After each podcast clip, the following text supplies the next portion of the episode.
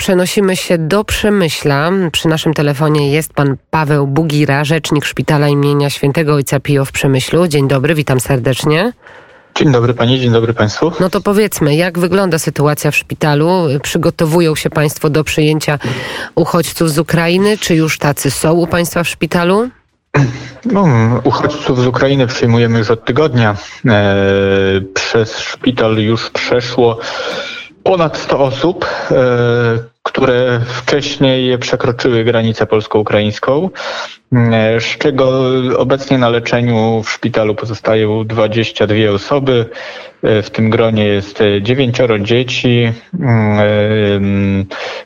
Nie mamy rannych. Na szczęście nie trafiają się takie osoby, które, które byłyby ucierpiałyby w wyniku działań wojennych. Są przede wszystkim osoby, które, które po prostu no, są przede wszystkim wyczerpane podróżą. To wyczerpanie na pewno jest bardzo widoczne i znaczące. Jak opowiadają te, te przeprawy, jak opowiadają te historie, to ile czasu im zajęła ta podróż? No to już y, pytanie w zasadzie nie do nas. My tutaj oczywiście, jeżeli to się udaje i jest taka możliwość, to rozmawiamy z tymi pacjentami. Przygody są, jeśli to tak można nazwać, e, są różne, bo mieliśmy panią, która, która trafiła do nas z Hersonia przepraszam, z Charkowa, e, Hercoń, bo, bo dzisiaj jest o nim głośno, ale z Charkowa, czyli tam, gdzie, e, gdzie też toczą się najcięższe walki. Liczyła na pomoc na zachodzie Ukrainy w szpitalu. Tam okazało się, że szpital został przekształcony w szpital wojskowy, wojenny, więc no, zdecydowała się na przekroczenie granicy i, i, i dotarła do nas e, w efekcie, e, więc, e, więc są ludzie naprawdę z różnych rejonów i są tutaj z, z, z zachodu, ale także z centralnej Ukrainy i ze wschodu, także mają ze sobą no, na pewno takie dramatyczne przeżycia i sama droga była ciężka. No i tutaj jakby wracając do tematu pacjentów też y, i ich stanu i powodu hospitalizacji, no to, no to są tutaj osoby, które mm, albo, albo tak źle zniosły podróż, ponieważ wiadomo, stoją y, tam zwłaszcza osoby, które podróżują pieszo, ale też czy w samochodach, czy w pociągach, no to te warunki są trudne, e, więc, więc y, to się odbiło w jakiś sposób na ich zdrowie. Jest dużo osób, które przychodzą z podwyższonym ciśnieniem, e, też jakieś przeziębienia. E, była, była pani z napadem padaczkowym. Mm, I też dochodzi w wyniku tych stresujących sytuacji, ciężkich warunków do zaostrzenia chorób które już o tych, u tych osób były. No i oni też wtedy wymagają pomocy lekarskiej, medycznej tutaj w szpitalu, dłuższej lub krótszej. Stąd, stąd część może opuścić szpital dość szybko, a część pozostaje tutaj y, na, na, na, trochę dłużej. A proszę powiedzieć, jak w ogóle zmieniła się rzeczywistość w, nie tylko w szpitalu, ale w ogóle w Przemyślu y, od y, ubiegłego czwartku, od kiedy zaczął się napływ uchodźców? Czy Przemyśl radzi sobie z taką falą?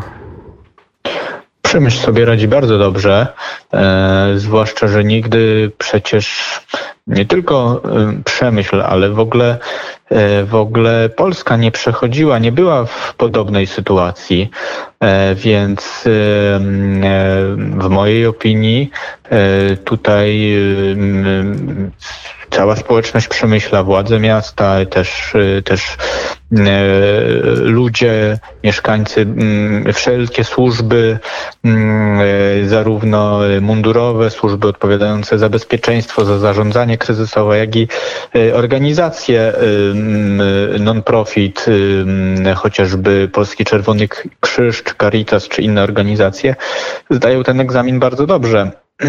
wiadomo, że różne trudności, niedociągnięcia mogą się pojawiać, ale tak jak mówiłem, nigdy nie byliśmy w podobnej sytuacji w ogóle jako kraj, a widząc to, co się tutaj dzieje, organizację i zaangażowanie, to myślę, że przemyśl bardzo dobrze zdaje ten egzamin.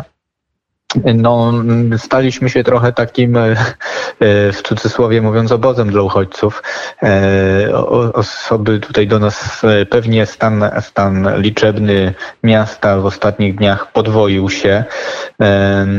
Mamy, mamy, mamy tutaj sporo osób, które przynajmniej na kilka czy kilkanaście godzin się zatrzymują, tutaj otrzymują jakiś prowiant, ciepły posiłek wysiłek. Y, no, ta pomoc idzie z różnych stron w ich kierunku, więc y, więc, więc wygląda to y, całkiem dobrze. Mówię tutaj oczywiście o, o tym, y, jaka, jakie są reakcje ludzi, bo oczywiście y, cały obraz nie wygląda dobrze, bo nikt z nas nie chciałby tych, mm, tych obrazów widzieć, widzieć na żywo. A jeżeli chodzi o sam szpital, to, to u nas nie ma tutaj e, jakichś na razie większych zmian. Pracujemy normalnie. E, no jest tej pracy nieco więcej, ponieważ e, właśnie trafiają oprócz naszych e, pacjentów, takich, którzy trafiają do szpitala w normalnym trybie, czyli, czyli tych naszych mieszkańców regionu, to są też uchodźcy. Oni przyjmowani są na tych samych zasadach, w tym samym trybie, natomiast, natomiast no, no, no jest tych ludzi więcej ale nie, nie, nie, nie organizowaliśmy się w jakiś specjalny sposób. Szpital jest otwarty dla wszystkich i wszystkich przyjmujemy. Um, i, i, no, I dzisiejsza, ostatnia tak. doba, powiem tak, że była spokojniejsza niż poprzednie, więc, więc też, yy, więc też no, może, może, może, może już tak, takie jakieś poważniejsze stany chorobowe już mamy za sobą, miejmy nadzieję. I, i teraz będzie już spokojniej też yy, na sorze, bo przede wszystkim osoby te trafiają w pierwszej kolejności na SOR. Oby oczywiście tak było, oby Państwo mieli jak najmniej pracy, a mówił o tym pan Paweł Bugira, rzecznik Szpitala imienia Świętego Ojca Pio w Przemyślu, który przyjmuje także uchodźców. Jak pan powiedział, drzwi szpitala oczywiście są otwarte. Bardzo dziękuję za rozmowę. Dziękuję bardzo.